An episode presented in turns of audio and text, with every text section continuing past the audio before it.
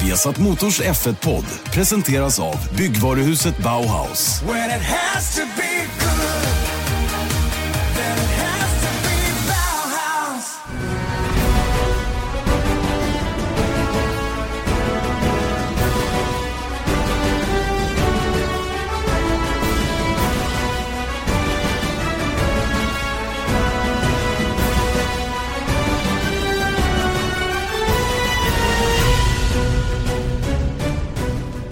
Hjärtligt välkomna ska ni vara till eh, Formel 1-podden. Formel 1-podden som eh, fortsätter att snacka upp försäsongen. Formel 1-podden med Janne Blomqvist och Erik Stenborg.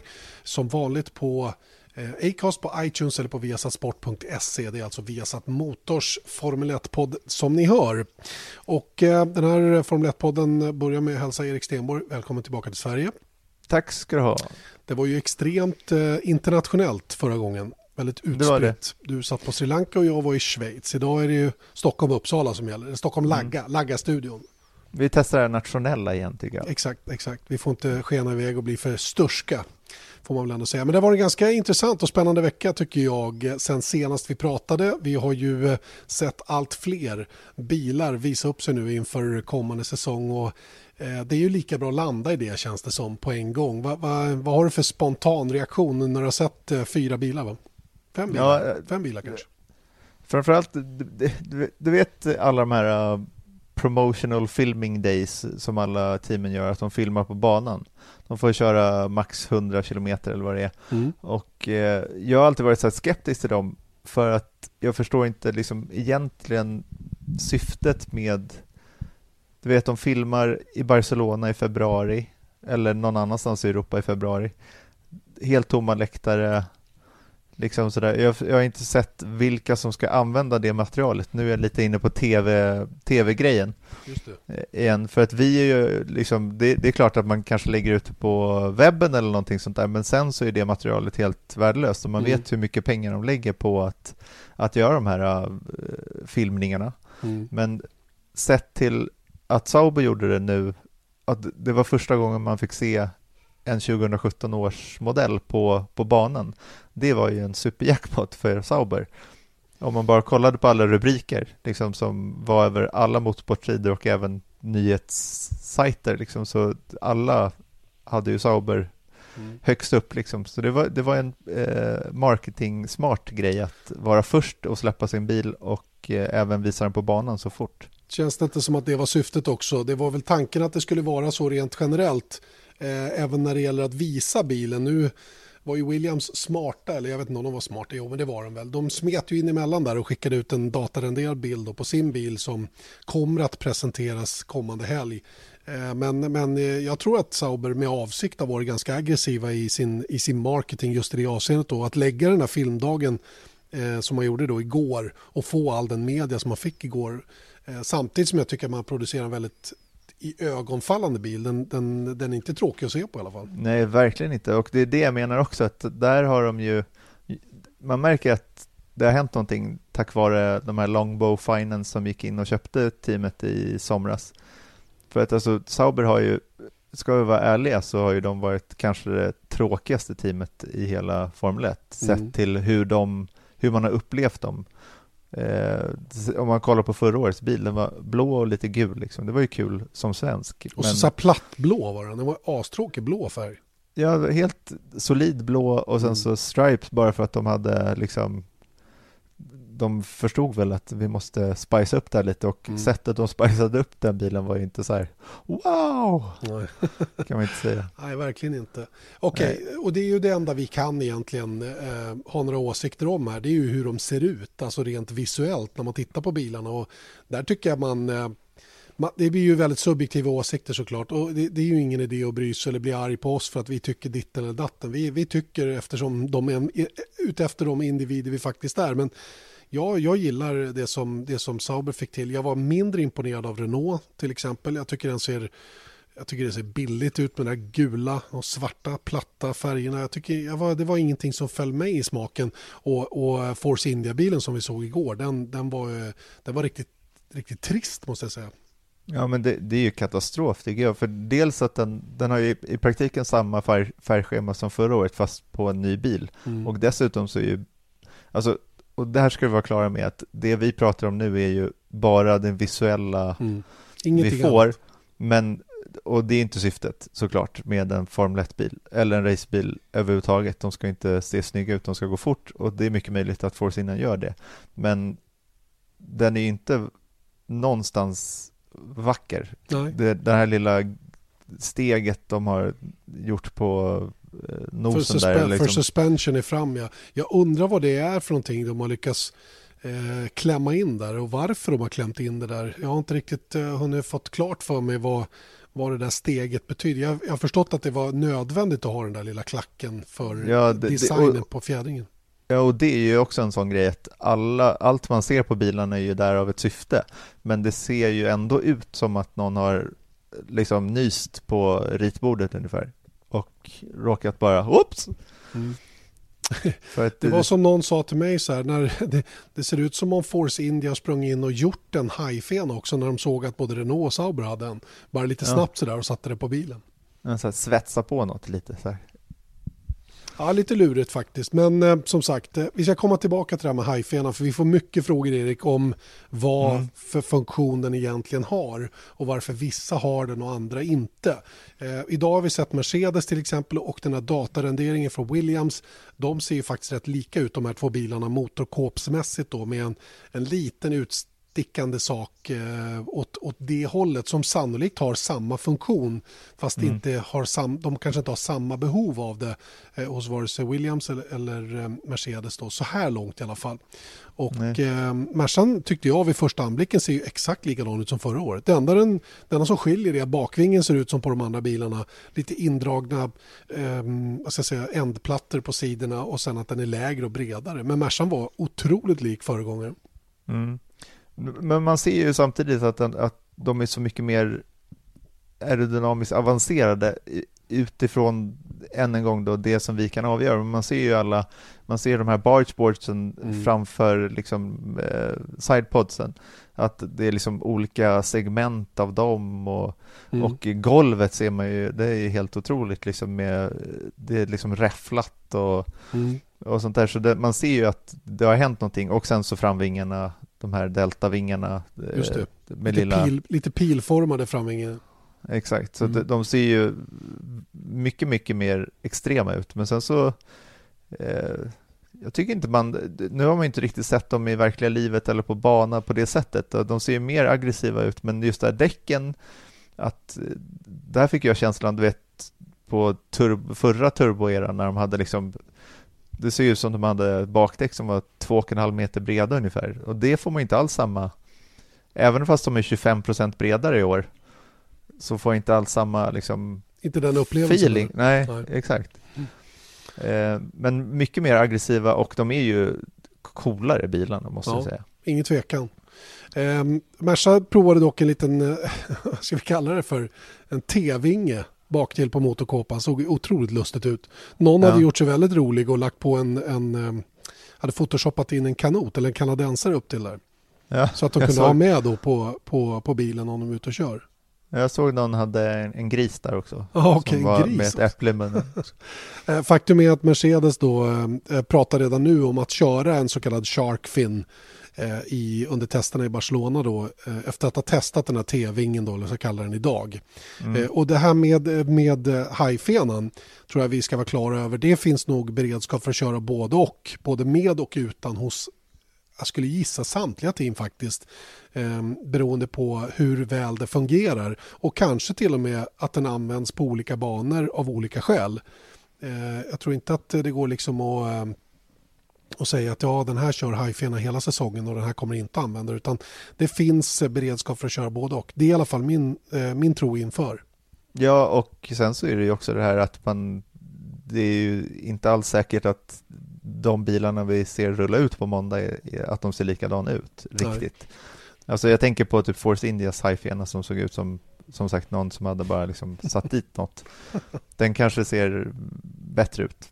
Det vet man inte. Det kan tänkas. Det sägs ju till och med att Renault-bilen som visades häromdagen inte är något annat än en launchbil. Det vill säga den kommer aldrig rulla på banan. Det är ett, det är ett eh, så här, eh, vad ska jag kalla det för, ett, eh, eh, mockup-chassi som man har klätt i den aerodynamik som bilen kommer att ha så småningom. Jag vet inte om det stämmer. Det var Vijay Malia, eh, Force Indias eh, ägare, som på Twitter sa det att eh, kom igen nu Renault, våran bil kommer i alla fall att köras under testerna.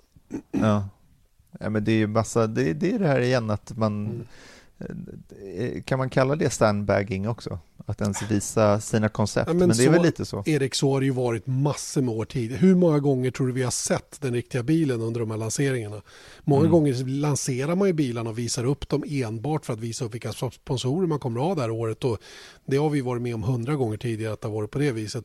I mm. år är det ju lite speciellt eftersom bilarna har så synbart annat utseende än vad de har haft de senaste åren. Och desto viktigare då kanske att, att visa upp den riktiga, the real deal så att säga. Men eh, jag tror att det är många som, som kommer att fejka lite grann om det bara är sådana här online eh, som man gör. Ja, det är ju trots allt bara bilder och även om man ser så här, jag tänkte på det här när man pratar så mycket om eh, diffuser till i år att det är så otroligt viktigt nu hur luften styrs mot den och hur den ser ut. Att de har vi inte sett i alla fall. Nej, inte ännu åtminstone. Ehm, och ehm, som sagt, ehm, Sauber körde en eh, så kallad filmdag igår. Ehm, jag fick en lite pratstund med Marcus i morse faktiskt.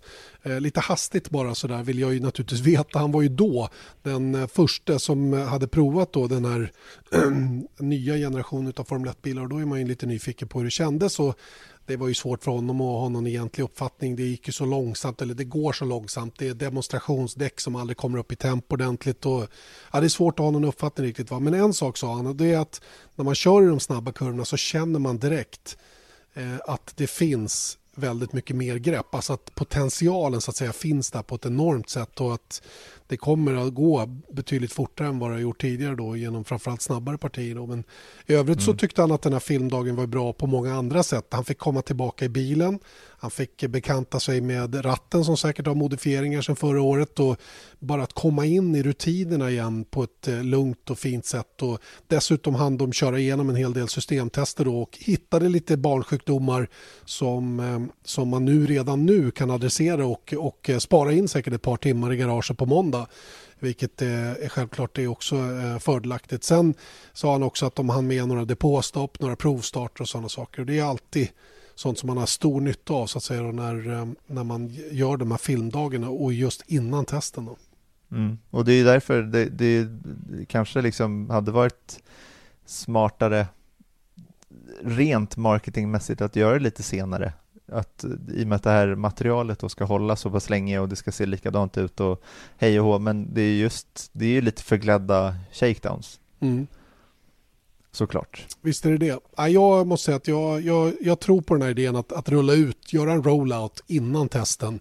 Spara tid där helt enkelt. Och sen får det bli så att de här bilderna som rullar på storbildsskärmar i motorhomet eller hemma i fabriken eller, eller vad det nu mm. än är under, under event och sådana saker som man använder den här typen av material till. Ja, det får väl vara lite eh, utdaterat då så att säga. Eh, Pascal Verlan var för övrigt på plats, körde aldrig bilen någonting såklart.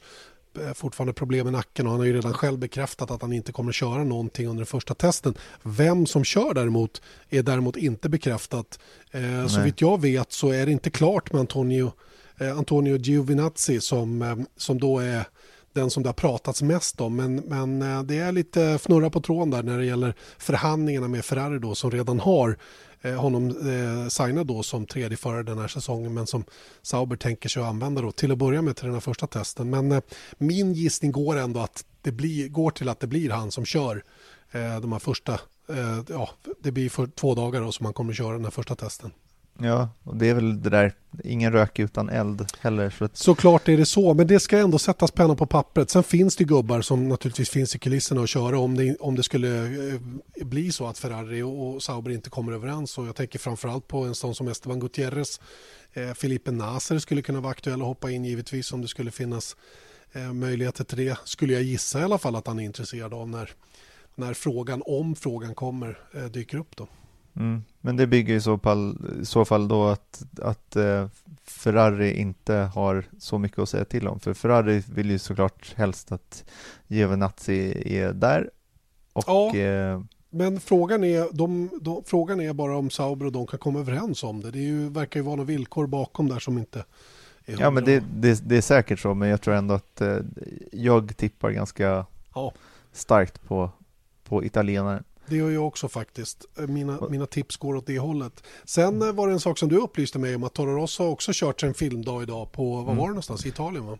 Misano. Men Misano. du, innan vi hoppar vidare så är det ju ryggen som eh, Verline har problem ja, med. Ja, ja du, du kommer så. Ja, just det. Rygg mm. och, mm. rygg och nacke som, eh, mm. som man har fått eh, problem med. Och det är ju... Jag hörde väl lite grann att han har varit på lite olika läkarbesök och fått lite olika diagnoser på den skada han har. Då. Och, det här är ju lite lurigt förstås. En, en skada i den här trakten på kroppen i år. Mm med de påfrestningar som väntas på förarna och med all den träning som har lagts ner av förarna på att bygga upp just nacken så är ju det här en jättenackdel givetvis för Pascal Wehrlein som man, har, eh, som man då får inför den här säsongen. Och, och, jag förstår ju, han kan säkert köra idag. Jag är helt övertygad om att han skulle kunna sätta sig ner och köra. Men vad händer om han åker av igen till exempel? Vad skulle mm. det få för konsekvenser för rygg och nacke om det skulle inträffa någonting mer? Och det är nog Visst. sånt som man går och funderar på. Ja, och jag har tänkt på det där som, det som vi pratade om, eh, om det var förra veckan, om just det där ifall han inte kör på måndag, liksom kommande vecka. Mm. Då undrar jag så här, vad, hur mycket läker en rygg då? På fyra mellan, dagar? Ja, på fyra dagar. inte så mycket. Och, det beror ju nej. lite på förstås. Låt säga då att man gör en, en, en röntgen då i, i, på det idag. Och så mm. säger man att ja, men nu ser det bra ut så här. Nu är det bara ett litet, litet partier som vi ser inte har läkt ordentligt. Och, ja, man gör tester och sen så gör man en ny test uh, nästa måndag. Alltså det vill säga inte nu på måndag utan måndagen därpå. Um, som är då den sista dagen innan man kör igång andra testen. Och så ser man då att ja, men nu ser det okej okay ut. Mm, men nu, fine, men då har vi fortfarande problemet med träningsgrejen. För att Exakt. har man en skada på ryggen, oavsett vad den skadan är, det vet vi inte heller.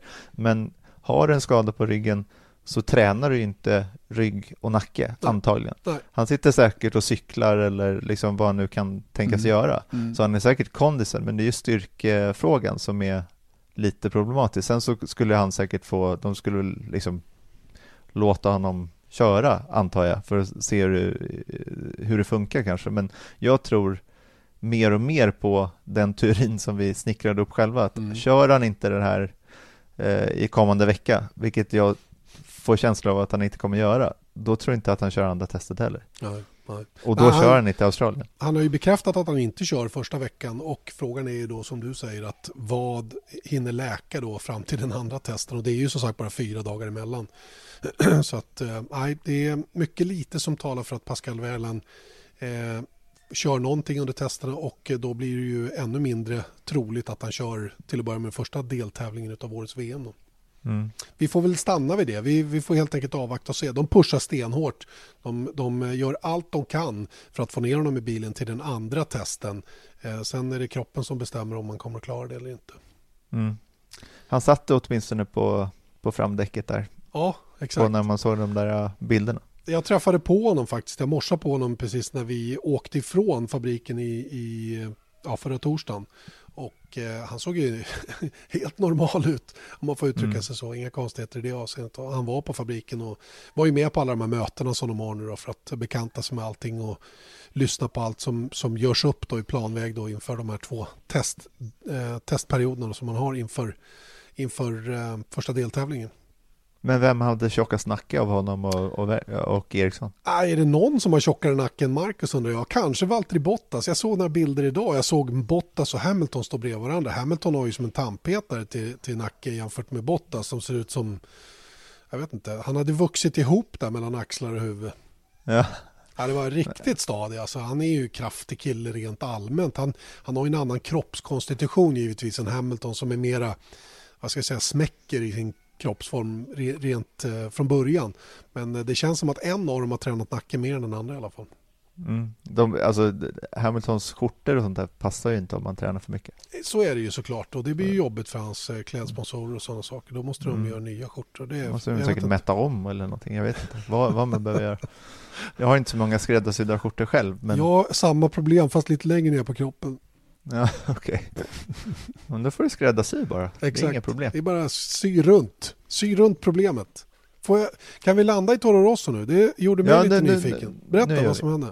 Nej men det är bara, det här är också bara It's out there mm. på internet att eh, de hade en filmdag på Misano som de, eh, det är de här 100 kilometerna, de skulle göra en, en Sauber och Mercedes som de, som de har gjort nu de senaste dagarna.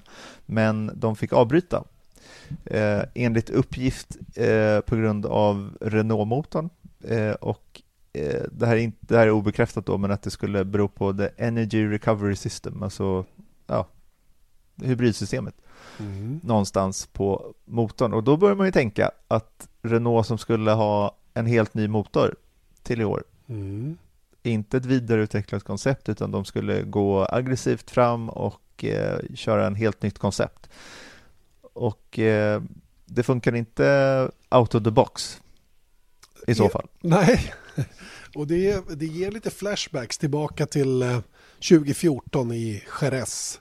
Mm. När man eh, satt och lyssnade på Renault-motorerna, pruttade runt banan där och knappt ta sig framåt. Nej, så illa ska det givetvis inte vara. Va? Men jag kände lite grann faktiskt när jag hörde Remi Taffin och även Cyril Abetiboul under Renaults eh, superlånga och, och, dödligt tråkiga lansering att eh, de eh, de har tagit en stor risk med eh, att bygga om motorn i, den, i så stor utsträckning som de har gjort den här gången. 95 procent enligt uppgift. Och sen i nästa andetag säger man att man tror att vinsten i, eh, i eh, den här nya motorn enbart till att börja med ligger på tre tiondelar i varvtid. Mm. Eh, vilket jag tycker är lite och absolut ingenting avskräckande inledningsvis i alla fall. Sen kommer de säkert att hitta tre, fyra tiondelar till. Det är i alla fall deras egen ambition och målsättning över säsongen. Men glöm inte att det är inte något uppdateringsrace på det viset. Det är bara fyra motorer som får användas under 2017 mm. och det, det, kommer inte att finnas utrymme för att liksom, ah, men nu kommer vi med en ny mycket snabbare motor och så vidare. Utan det är, det, Man kollar det, på Honda, det, ja. det, var ju det enda de höll på med hela tiden, det kändes som att, att komma med, men nu, nu, nu, nu ska det funka och sen ja. så bara, nej. Ja. det... Och, och det är det där också, att, att det ska hålla. Även om det går fort så ska det hålla. Mm. Vet du vad, och då kommer jag in på någonting intressant som jag hörde idag angående Mercedes motor. Eh, Mercedes, eh, i alla fall hörde vi det under lanseringen som, som eh, eh som var med Force India igår att Mercedes tror sig ha hittat mer power i motorn än vad de själva har eh, eh förutspått innan. Eh, och eh, att det då skulle vara lite skrämmande för konkurrenterna givetvis. Men jag hörde faktiskt eh, att de har haft lite problem med Mercedes-motorn för att så fort Eh, och det är inte bara inför den här säsongen utan det har varit så tidigare. så fort de har försökt öka prestandan i motorn, alltså få ut mer effekt och göra den mer effektiv och sådana saker, då går den sönder.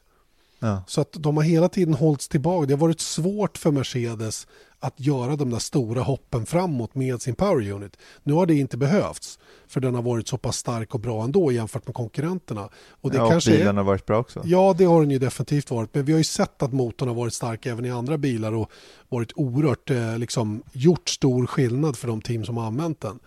Eh, men om det är på det här viset att de har nått taket för utvecklings eh, vad ska säga, utvecklingspotentialen i det här paketet, ja då, då kan det vara så att både Ferrari och, Red, och Renault eh, och för all del Honda också då kan närma sig ganska dramatiskt. Men eh, det där är ju omöjligt att svara på nu. Men det är lite intressant information att höra att det har varit så här. Att så fort att de försöker ta ut lite mer, ja då har det visat sig att grejerna inte håller. Mm. Och det kanske säger någonting om eh, det här med Hamilton. Att eh, sett till alla problemen som man hade förra året. Mm. Att det kanske var någonting att de skruvade på lite extra där, jag vet inte. Ja, framförallt att de uppdateringar som man hade och försökte liksom göra motorn snabbare så att säga inte riktigt eh, var Ja, det, det, funkar inte helt enkelt och att de fick gå tillbaka då till någonting som de vet fungerar och som är säkert rent mileagemässigt. Och eh, det kan ju vara saker som eh, självklart oroar lite grann i Mercedes-läget då inför, inför den här säsongen beroende på vad de har gjort givetvis med, med motorn. Det är kanske är sånt som de har adresserat hela vintern till att försöka fixa. Det har vi ingen aning om än. Mm. Ja, men samtidigt så om, om man jämför då med Renault-situationen, den potentiella Renault-situationen ska man ju tillägga, men att då har du ju Renault själva och sen så Toro Rosso och sen så den här titelutmanarna eh, to be eh, Red Bull då som kan sitta lite i klistret då. För att jag tänker också på att Mercedes har ju ändå en grundstomme som är bra. Alltså, jag, jag, även om de inte har samma... Eh, om, om de har nått taket så ligger de ju väldigt bra till i grund. Tveklöst. Tveklöst. Ja. Men medan Renault då, som kommer med någonting helt nytt och ändå oprövat i det här mm. läget så, så skulle jag vara lite mer nervös om jag var en, en, ett Renault-team så att säga, mm. än en Mercedes. Visst är det på det viset. Är det inte läge då att när vi pratar om det här att stoppa in lyssnarfrågan? Tycker jag. Eller hur? Jag tror att vi, eh, vi spelar upp den helt enkelt. Så här låter veckans lyssnarfråga. Hej Viasats F1-podd. Stefan Klasen heter jag. Ni har ju tidigare poddar tagit upp frågan angående det faktum att eh, Sauber ska köra med förra årets Ferrari-motorer. Men jag skulle vilja att ni utvecklar den här frågan lite mera. Eh, vad finns det för fördelar? Vad finns det för nackdelar? Finns det några ekonomiska aspekter i det? Jag vet ju också att du Janne har en bra kontakt med Sauber och skulle tycka det var jättekul om någon från eh, Sauber skulle kunna kommentera den här frågan. Det vore mycket intressant. Eh, tack för en fantastiskt bra F1-podd och hej då! Ja, där hade ni den som alltså handlar om det här med Sauber och att de valt att köra en 2016-motor över 2017 och eh, det är inte så lätt att få 100% information om varför man har tagit det här beslutet. Eh, lite har vi lyckats lista ut Erik att eh, det, inte, det handlar inte bara om att de köpte sig tid att, eh, att eh, så att säga få mer tid att, att bygga chassit inför 2017 utan det finns en hel andra faktorer också som gör att man kör en äldre motor under 2017 och det här handlar väl främst om att man är på väg att byta motorleverantör då från och med 2018. Mm. Antagligen. Antagligen. Och, och. Eh, det finns ju två, två, två eh, tillgängliga, eller, eller två tilltänkta och det är Mercedes givetvis. Men, men framförallt Honda då som har varit det starkaste Eh, starkaste ryktet som har varit så här långt. Men ingenting är bekräftat än och några sådana saker. Då. Men det, det kan ju tänkas att Ferrari ville att för att släppa till 2017-motorer krävde ett långt avtal som, som Sauber inte var med och, eller var beredd att gå med på så att säga. Mm. Sen så kan man ju, om man bara tittar på pappret, sen så har vi förstått eh, enligt de liksom, efterforskningar vi har gjort att det är inte är så enkelt där heller, men om man ser till vem de har, ja. Botox Cosmetic, out of botulinum toxin A, FDA approved for over 20 years. So, talk to your specialist to see if Botox Cosmetic is right for you. For full prescribing information, including boxed warning, visit BotoxCosmetic.com or call 877-351-0300. Remember to ask for Botox Cosmetic by name. To see for yourself and learn more, visit BotoxCosmetic.com. That's BotoxCosmetic.com. Vem de i alla fall skulle ha i den andra bilen bredvid Marcus Eriksson så har vi Pascal Wehrlein som är ju en Mercedes-förare, vilket då på pappret kanske då tyder på att en Mercedes eh, motor ligger ganska bra till. Sen så behöver inte det betyda att, att det är så. Men eh, på pappret så skulle man ju kunna tänka sig det. Sen så har man ju, om Giovinazzi kör så kanske inte helt borta med Ferrari ändå, men det är också än en gång då på pappret att det skulle mm. kunna bli så. Just det. Men ta också den här officiella förklaringen till varför de har eh, lite mer ingående eh, varför de det, väljer att köra fjolårsmotor. Det, det har alltså handlat om då, det som är den officiella versionen, den vi faktiskt har fått förklarad för oss, är ju att man valde eh, tidigt att eh, satsa på 2016-motorn även 2017 för att man var i ett sånt läge rent chassibyggesmässigt att man behövde eh, den tiden då för att maximera det paketet. Ehm, och ehm, det handlar inte bara om själva motorn som sådant. Det handlar om hur man kan bygga resten av bilen då rent kylningsmässigt. Man hade informationen, man hade alla data från den här motorn. Man visste hur man behövde göra för att eh, få till saker och ting på det mest effektiva sättet så att säga. Då. Och, eh, det är en logisk förklaring kan jag tycka också att man valde att göra det av den anledningen eftersom det här teamet har varit i den situationen tidigare då rent ekonomiskt att allting var ju på gränsen. När jag var i mm. fabriken förra året så berättade man att eh, man har ju närmast växtverk just nu då, eftersom man helt plötsligt har resurser som man inte har sett på vykort på flera år. Vilket innebär att teamet försöker göra saker på tre månader som, som man har tappat på tre till fyra år. Mm. Och, och, det är klart att alla de här grejerna sammantaget eh, kanske både beslutet om vad man ska ha för motor i framtiden, hur mycket tid man behövde extra för att kunna designa den här bilen och så vidare och så vidare gjorde att man tyckte att det här var det bästa beslutet. Eh, sen är det ju då naturligtvis också så att det finns, en, en, det finns en enorm nackdel med det här. Speciellt som man har tagit bort det här så kallade tokensystemet. Det innebär att utvecklingspoängen är borttagna numera. Tillverkarna är fria att göra det de, det de vill och behöver inom ramen för vad FIA har sagt när det gäller material i motorn och vikt på motorn och sådana saker. Mm. Och det, det gör ju då att man, man ligger säkert lite kort om hästkrafter i den här eh, fjolårsmotorn och jämfört med de nya. Kanske inte så mycket inledningsvis men man kommer att göra under året. Och det handlar inte så mycket om att eh, det kommer en ny uppdaterad motor utav 2017-varianten utan att man hittar nya programvaror och sådana saker då som som naturligtvis gör den här 2017 mer och mer effektiv och kanske också mm. snabbare. Så att, och det är ju saker som, som uh, Sauber inte kommer att åtnjuta. Då. Kanske mjukvara men någon hårdvara finns det ju inte för deras del att hämta överhuvudtaget. Mjukvaran däremot vet jag är lite osäker på faktiskt hur mycket utveckling det kommer att vara på den. Ja, men vi har ju ett bra facit i form av uh, Toro Rosso förra mm. året som gjorde en, ja, gjorde en samma sak mm. med en Ferrari-motor och det, det, de hade ju en väldigt bra bil mm. Så att eh, det gick ju väldigt bra i början, men man märkte ju på, framförallt på vissa motorbanor så att säga, eh, att de var liksom inte riktigt med. Sen så kunde ju de skrälla i alla fall för att det var en så pass bra bil. Ja. Men eh, Nej, de kompenserade ju mycket väl tycker jag med tanke på den situation de hamnade i i slutet på 15.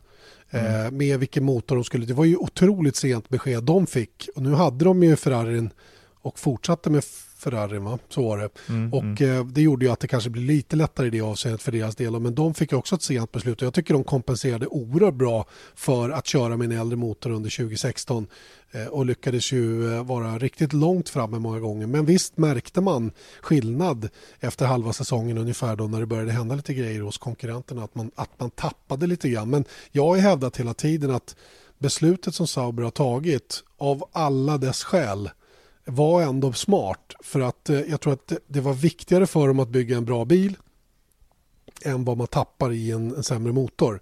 Jag tror att skillnaden i, i ett bättre chassi jämfört med vad man tappar i en sämre motor är större. Det vill säga mm. att man, det är bättre med ett bra chassi än med en nyare motor. Eh, och om vi får gå på de siffror som, som Renault kommer med nu, 0,3 sekunder i varvtid och kanske hittar 6-7 tiondelar till och låt säga att Ferrarins 2017 mot 16 skiljer en halv sekund, 6-7 tiondelar eh, samma mot Mercedes så är det ju ingen jättekatastrof som jag ser det just nu. Det är ingen fördel, verkligen inte, men det är ingen jättekatastrof. Nej, så länge de har byggt en bra bil. Nej. Sauber alltså. Och det vet vi naturligtvis inte. Va? Men de har gett sig själv bästa tänkbara förutsättningar för det i alla fall. Sett till vad de hade för förutsättningar innan det kom in några pengar i teamet. Mm. Så kan vi säga. Right on. Tror du att vi har svarat på frågan nu? Jag tror det faktiskt. Ja. Ska vi gå vidare till nästa? Det kan vi göra. Apropå hajfenorna, vad ja. gör de egentligen? Varför finns de där? Just det, det är lite intressant. Det är också många som har frågat över det här med hajfenorna och eh, jag är ju långt ifrån någon dynamisk expert så jag har ju givetvis behövt läsa mig till vad den gör. Och eh, den har vad jag förstår en funktion där den hjälper till att bibehålla luft, eh, rätt luft på bakvingen. Eh, och mm. att, att den ska se till att man har så konstant downforce baktill på bilen som det bara är möjligt. Framförallt när man väl har kommit in i kurvan. Det är alltså mest under sväng som man har nytta av den här hajfenan som jag har förstått det. Jag läste på till exempel vad Gary Anderson sa om den. Gary Anderson på Autosport som analyserat de nya bilarna lite grann. Och jag, jag vet inte om du har någon annan information för jag vet att du har, du har sökt sådan i alla fall. Ja, men jag pratade med, med Eje Älg och, eh, ja, då vet som, du ingenting. Nej, exakt. Oj, hoppas han inte lyssnar. Det gör han inte. Det kan jag garantera att han inte gör. Det är för modernt med podcast. Ja, exakt. Nej men, nej men det är ju, han hade ju såklart hört sig för om det här också, så det han pratade om just vad gäller hajfenarna är just att det är så mycket turbulens som kommer av, ju mer eh, aerodynamiskt avancerad en bil, bil blir, desto mer turbulens skapar den ju också. Mm. Eh, vilket gör då att man vill styra luften mot bakvingen och det som till exempel kommer runt förens huvud, alltså bakströms, bak, eh, efter eh, förens huvud, liksom gör, skapar helt enkelt turbulens. Och den här gör då att den rätar ut luften liksom, som träffar bakvingen rätt och även eh, golv då. Mm. Eh, och det ska man ju faktiskt tänka på att alla de här små pluttarna som, som ni ser på en, en Formel 1-bil, en modern Formel 1-bil idag, är ju inte enbart för att skapa ren downforce, alltså marktryck, utan det är ju för att styra luften dit man vill ha den helt enkelt. Mm. Det, för att i slutändan så... generera downforce kanske? Men Exakt. inte själva plutten som sådan? Nej, exakt. Den, någon kanske är för att liksom styra bort eh, luften bort från framhjulen till exempel. Mm. På, mm. på, och, och, då är det liksom, man vill ha bort den då. Eh, det är inte nödvändigtvis att den luften sen ska träffa en vinge utan den, man vill ha bara ren luft som träffar eh, vingarna helt enkelt och mm. golv och diffuser och allting. Och Eje tog det här exemplet att när han körde så var det liksom ju mer vinkel man hade desto mer downforce fick man. Det var liksom den principen man gick efter. Det, så är det ju inte alls idag utan det är ju inte eh, alls nödvändigtvis så att om du höjer ving, eh, liksom framvingen, ger det ett klick till liksom, så, så kommer allting lösa sig med framänden utan då det, skapar det massa potentiella problem Längre bak. bakströms. Ja. Mm. Nej, men det, det, är ju, idag söker man ju mer aerodynamisk balans än kanske någonting annat också. Eh, givetvis med den ökade downforce man får från bilarna i år så, så är ju downforce bra. Men framför allt det man vill ha det är att bilen är balanserad. Att den inte ger mer downforce i fram än den gör i bak och så vidare. Att den är konsistent rakt igenom hela chassit. Och det där är, det är ju det som är tricket på något sätt. Sen att det samman, den sammantagna downforcen som man då får när man har balanserat bilen, det är ju den som i sin tur ger prestanda på banan. Mm. Så det är och det här som liksom tillit till bilen för förarens del och, och, och, sånt också. Mm. Och det är ju där som också eh, Chevy, nej vad heter han, nya Audi Ja, Jörg, eh, Jörg Sander ja. Jörg Sander och det var ju det de pratade om att, att Saubers koncept i år har varit mer att hitta en stabil aerodynamiskt koncept helt enkelt mm. istället för att hit, leta efter toppnivåer av downforce. Just det. Jörg Sander som alltså är technical director, ny sådan då, kommer från Audi och återfinns hos Sauber, eller tillbaka i Sauber. Han var ju hos Sauber BMW en gång i tiden. Mm. Och är ju en eh, oerhört skicklig person som jag tror teamet har, kommer att ha stor nytta av. Eh, ja, det är komplicerade grejer där och vi är egentligen fel gubbar att prata om det här för att eh, den kompetensen besitter inte vi utan det får man väl, vi får återkomma till det här om det känns oklart fortfarande och eh, försöka reda ut det med hjälp av sådana som kanske kan det. Vi ska, vi ska försöka hitta folk som, har, som är dugliga på det här området här framöver. Eller så säger vi bara fake it till you make it. Ja, men lite så också. Det har ju varit min devis egentligen genom hela livet. Ljuga trovärdigt. Ja, exakt. Det är ju lite på det sättet man funkar liksom på det sättet är vi lika. Exakt, exakt. Ja. Du Erik, eh, testerna drar som sagt igång på måndag och eh, det här är ju många som är oerhört spända och har stora förväntningar på, inte minst du och jag. Eh, kanske mer jag än du eftersom jag kommer att vara där. jag, jag, jag, förväntningar har jag ändå. Ja, så är det ju såklart. Men jag kommer som sagt att vara där. Vad är det vi gör från Viasat Sports sida under, under testerna? Vad kan man förvänta sig hemma? Ja, det är ju nästan varje år så kommer ju frågan om vi ska livesända och mm. Eh, det mm, kommer vi inte göra för att det tillhandahålls helt enkelt inte från någon, någon feed och det har vi pratat om i tidigare poddar också att, att eh, det, det, finns ingenting som produceras längs banan helt enkelt. Från Formel 1-sida. Däremot så kommer vi ha, eh, du kommer vara på plats och. Eje kommer vara på plats Ja. och vår fotograf kommer vara på plats och en massa danska kollegor kommer vara på plats. Eh, vilket gör att vi kommer i alla fall leverera täckning från samtliga dagar under eh, testerna. Eh, vi kommer göra dagliga sammanfattningar, eh, intervjuer kommer eh, läggas ut på viasasport.se eh, och även då kontinuerliga, kontinuerliga updates under dagen. Eh, och även din eh, livechatt som du har på din blogg också. Just det, just det. Den kommer att se lite annorlunda ut i år dock. Vi kommer att gå ifrån det här konceptet att vi rapporterar minut för minut så att säga. Då. Det kommer att komma ett antal inlägg varje dag. Men vi kommer också ha en så kallad eh, frågesvar, eh, ett frågesvarinlägg uppe hela tiden så att diskussionerna kan rulla på så att säga. Då. Men eh, vi lättar lite grann på rapportering. Det finns ju många andra sajter som håller igång live-uppdatering så att säga. Men flera rapporter under dagen kommer att komma med intervjuer, bilder, videoklipp och sådana saker som också kommer att dyka upp i bloggen. Där. Så att det, blir, det blir bra täckning från, ehm, från svenskt håll nere i, i Barcelona och det, det tycker jag ska bli himla kul. Och vi- det blir säkert någon liten Facebook-chatt och lite sådana grejer också, eller hur? Absolut, Mm. Så, men vi kommer eh, hålla igång. Det kommer vara ett jäkla rännande där nere, Mm. det kan vi lova. Och sen så eh, framförallt så kommer vi, det här läggas ut då på viasasport.se och eh, vi jobbar även på, jag kan inte lova att det blir så, men att vi, att vi ska få upp eh, de här sammanfattningarna eh, från dig och Eje på Viaplay Just det, också. det kul. Men mer om det, men mer om det eh, när, eh, när och om det blir klart. Just. Och ehm, ja, det är full, det är full tryck hemma på redaktionen egentligen kan man säga rakt igenom. Har ju varit det, kanske inte hela vintern men det märks att det börjar ta fart nu igen.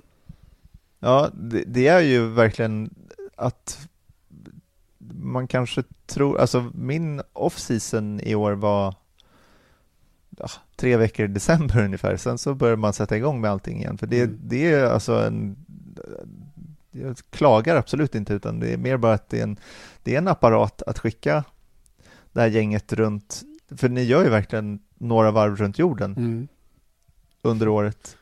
Och, ba, och, och bara där och hitta liksom boende, hitta bra flighter, när ska ni åka, vem ska åka var och eh, synka med alla andra. Botox Cosmetic, out of botulinum toxin A, FDA approved for over 20 years. So, talk to your specialist to see if Botox Cosmetic is right for you. For full prescribing information, including boxed warning, visit BotoxCosmetic.com or call 877-351-0300. Remember to ask for Botox Cosmetic by name. To see for yourself and learn more, visit BotoxCosmetic.com. That's BotoxCosmetic.com.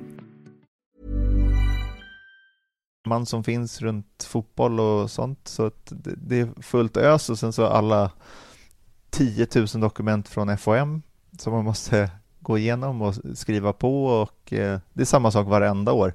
Det kommer liksom så här, det här får ni göra, det här får ni inte göra, det här får ni göra, nej det där får ni inte göra och så diskussioner i oändlighet alltså. Och det är ändå att jag har gjort det här, det här blir nionde säsongen som jag jobbar med och Mm. det är samma frågetecken liksom som Mm. dy- dyker upp, att man blir alltid lite misstrodd av dem, så att då måste man klargöra egentligen vad man har för ambitioner och, och så vidare i skrift, så det blir mycket så noveller på företagsengelska. Just det. Du, har du skaffat ett armband nere på Sri Lanka?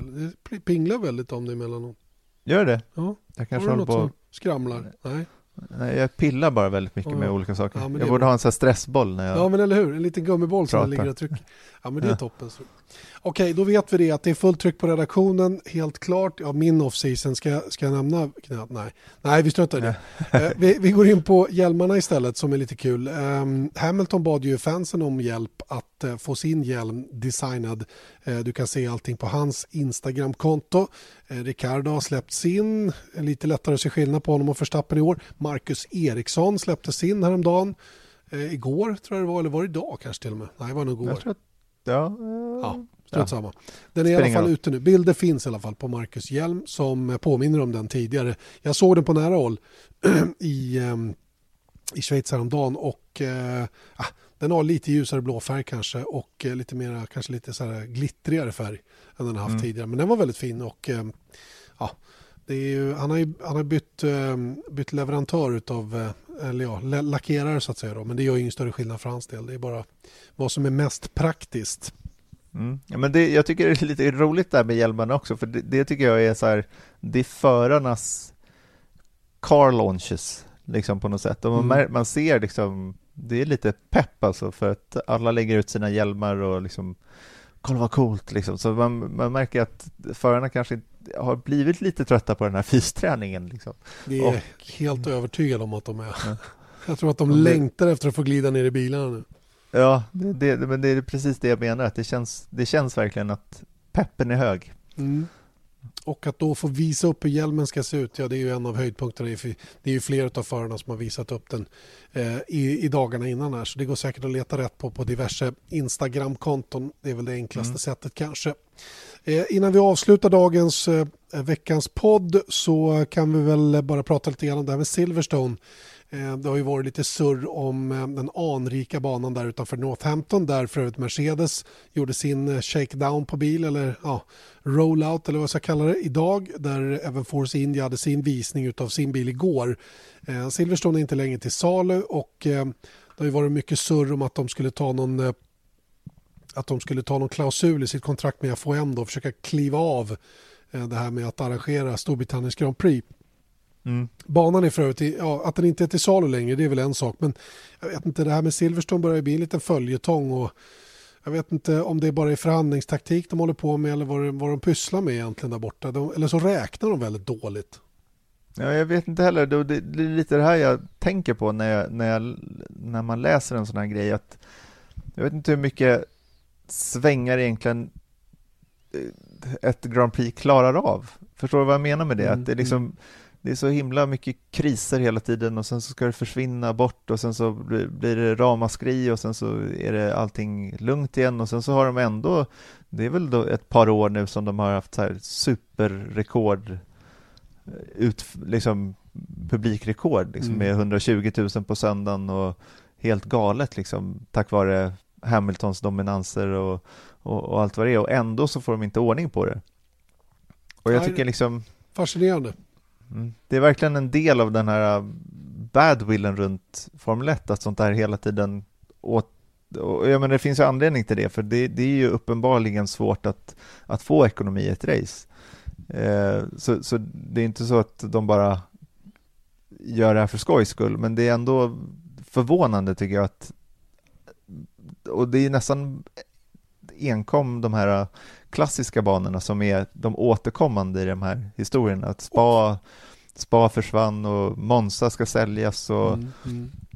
Vet du vad, det, det, det, här är intressant tycker jag för att det här leder mig in på en, en, en, en idé som, eller en fundering som jag har runt omkring det här. Är, för man pratar ju om eh, att intresset viker både, ja inte bara i Formel 1 utan även i, i USA. Nascar har färre och färre människor kommer på läktarna och men är de här, sport, är de här sporterna läktaridrotter? Är det, är det där man ska jaga folk? Och då, då är det ju så att med det system som, som FHM har haft tidigare då med att pungslå arrangörerna på hutlösa pengar Mm. Eh, trots att man jobbat i den andra ändan på att göra sporten så tv-mässig som möjligt så vet jag inte, då, då, då biter man i sig själv någonstans bak. Det beror ju på vilken inramning man vill ha givetvis. Men jag vet inte, jag skulle aldrig säga att jag skulle inte kunna sätta mig ner och påstå att intresset viker. Ja, läktarintresset viker. Men, men mm. hur ser det ut idag jämfört med 20 år sedan när det gäller konkurrens på... Jag satt och funderade själv, skulle jag gå på en fotbollsmatch eller en hockeymatch eller för all del åka ut på speedway i Halstavik eller något sånt. Jag drar mig oerhört mycket för att ge mig iväg på sådana grejer och en Formel 1-tävling åker man kanske på en gång i livet. Eller hur? Mm. Det är inte så många som åker återkommande varje år och kanske gör det dessutom flera gånger varje år. Det är extremt få människor som gör det. De ska vara sjukt intresserade för att klara det. Mm. Eh, så som det ser ut just nu då. Ja, det är helt klart hardcore-fansen som gör, som gör det. Eller hur? Jag vet att, jag menar, jag var ju hardcore-fan och jag tror att jag kanske var, innan jag började, började jobba så kanske jag var på fyra.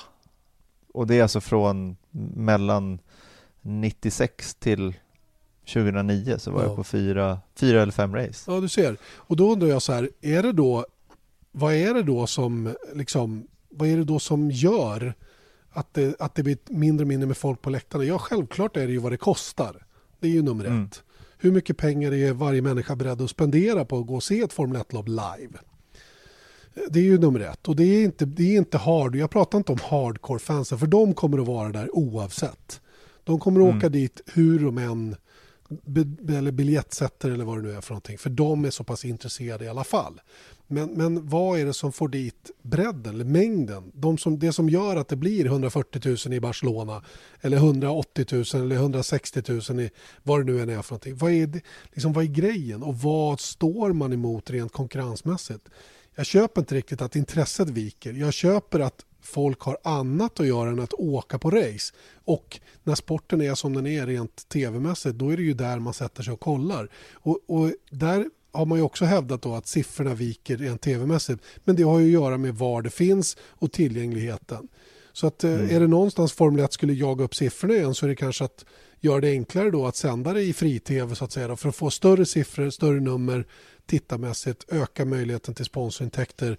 Eh, snarare än att man tvingas låsa in det då i, i, i betal-tv för att få någon ekonomi överhuvudtaget. Och sen får man ju se då hur man, hur man löser. Jag är helt övertygad om att det går att få folk på läktarna igen men konkurrensen idag är stenhård med vad folk ska göra en söndag eftermiddag. Eh, och det handlar inte bara om hur roligt det är att titta på Formel 1. Nej, men sam- samtidigt så tror jag att det vi pratar om här är ju den grundläggande betalmodellen då, så, som hur det fungerar för, för, för banor att arrangera ett race. För att det är där, för att det är klart att får inte banorna ekonomi i sina race, då kommer de ju aldrig, jag menar det är en jättestor, förutom den symboliska handlingen liksom i att se Kinas GP när det är 3000 pers på läktaren, Mm. det, det är ju inte det bidrar ju till, till upplevelsen även på tv. Ja, och frågan När- när är ju om, om är det så att ska arrangörerna betala teamen massa pengar för att de ska köra på deras bana? Eller ska arrangörerna få arrangera det här utifrån eget huvud och sen så kan Formel 1 ta in då det, den banreklam som man lyckas få ut på banorna. Och så, ja, jag vet inte riktigt. Det är, ju den där, Mm. det är ju den där modellen som de behöver fixa till på något sätt. Och det är mera sådana saker som påverkar än att själva intresset viker. Ja. Eh, Jag har, Men- men jag, Nu har inte jag några siffror som backar upp mina påståenden men jag uppfattar att folk är lika intresserade precis som vanligt. Det är bara det att det är svårt att få folk att åka till själva arenan. Mm. Men det är där jag tror att en, en stor ett stort problem ligger i att i och med att FOM har kontrollerat så himla hårt allt runt omkring. Jag menar att få, även om, om, om du är, arrangerar eh, Uppsalas Grand Prix, då, då kommer de ute på fälten i Lagga. Då kommer ju Formel 1 komma dit och två veckor innan så kontrollerar Formel 1 exakt vad du eh, du, du får liksom inte ta dit någon som filmar Nej. för då är det under akkrediterat område även alltså två veckor innan Mm. racet går och en vecka efter. helt sjukt. Och, och sen så är det ju också den här grejen att det, det får säkert arrangören en viss del av, men helt plötsligt så kommer då Formel 1, eller det här är ju så som det har varit i alla fall, då kommer Formel 1 och säger så här, hej, eh, ditt Uppsalas Grand Prix heter nu Pirelli Uppsala Grand Prix, Mm. eller Heineken Uppsala Grand Prix. Ja, då tar de ju bort, om du istället kunde ha eh, Uppsala Korvs eh, Grand Prix, liksom, Exakt. då hade du kunnat ta in de pengarna själv då och kunna få ekonomi på det. Men, och sen så tänker du, ja, men då sätter jag upp lite banreklam. Nej, det får du absolut inte göra, utan det är ju det som syns i tv och Mm. det äger Formel 1 också. Mm. Så att jag menar, jag tror att det är, det är svårt, alltså det eh, arrangörerna kan tjäna pengar på är biljetter. Mm. Och då är det superviktigt att det är folk på läktarna. Just För det. annars så får de inte, får de inte runt det. Och då gör det Om det, det inte är en stat, liksom alla Kina eller eh, Azerbajdzjan till Visst, exempel, visst. som vill promota eh, Ja, landet som, genom som gör, ett. Som gör det mera till en, liksom en, en statlig angelägenhet att, att marknadsföra landet som sådant. Ja. Ja. Ja, nej, men jag, jag är helt enig med det. det. Det där är helt korkat. Jag fattar inte. Jag, vet, jag har ingen lösning på problemet, men något måste de göra om det nu är så viktigt att ha massor med folk på läktarna. Mm. Eh, och det är det ju. Vi tycker ju alla om inramningen. Framförallt är det ju fantastiskt att åka på race. Jag hade diskussion med en annan, för övrigt samma person som skickade in lyssnarfrågan om just det här, om upplevelsen on-site, hur man har gjort det svårt, hur man måste göra Formel 1 tillgängligare, hur möjligheten att komma in i depån och sådana saker. Det finns massor med saker att göra. Nu är det en väldigt liten del som kommer så långt. Men, men rent allmänt upplevelsen på banorna måste höjas om man ska fortsätta ta välfyllda läktare. Och det handlar inte om själva sporten, det handlar om andra saker, hävdar jag i alla fall. Absolut, men det är där jag menar då att än en gång att om arrangören endast kan tjäna pengar på biljettförsäljning så är biljettförsäljningen enormt viktig. Mm. Och jag menar tillgängligheten, kolla bara på hur förarna är ju liksom under eh, Ja, alltså Formel 1 har ju till och med embargo över förarnas sociala medier. De får ju liksom inte filma i sitt eget motorhome eller i garaget som de vill. Vilket Lewis Hamilton vill ha ändring på såg jag. Ja, det kan jag tänka mig att han vill. Mm, mm. Men det tycker jag också, för att det, det är också, jag vet att eh, Grosjean la ut någonting i början av förra året som han fick så här radera då, för att han har inte rätt. Ja, han har inte rätt att lägga ut rörligt material från liksom det är ju bara, kom igen. Det är fel. Det är fel ja. bara. Systemfel. Jag tycker mm. det får bli slutord. Egentligen ja. är det inget fel alls på Formel 1. Tvärtom, tycker jag i alla fall. Det finns eh, rent sportsligt mycket att se fram emot och inte minst då testerna kommande vecka och då kommer podden att spelas in i samband med testerna där. Nästa onsdag siktar vi på att göra det och då är vi liksom mitt i det hela och då finns massor med godis att prata om, eller hur? Ja, och sen så vill jag avsluta att nu är Ross Braun inne i Formel 1, så han kommer lösa det här. Han är kung. Det är inga problem längre. Han är kungen. Det är han. Ja, bra. Tack Erik, välkommen hem och så hörs vi om en vecka igen. Tack ska du ha. Vesat Motors F1-podd presenterades av byggvaruhuset Bauhaus.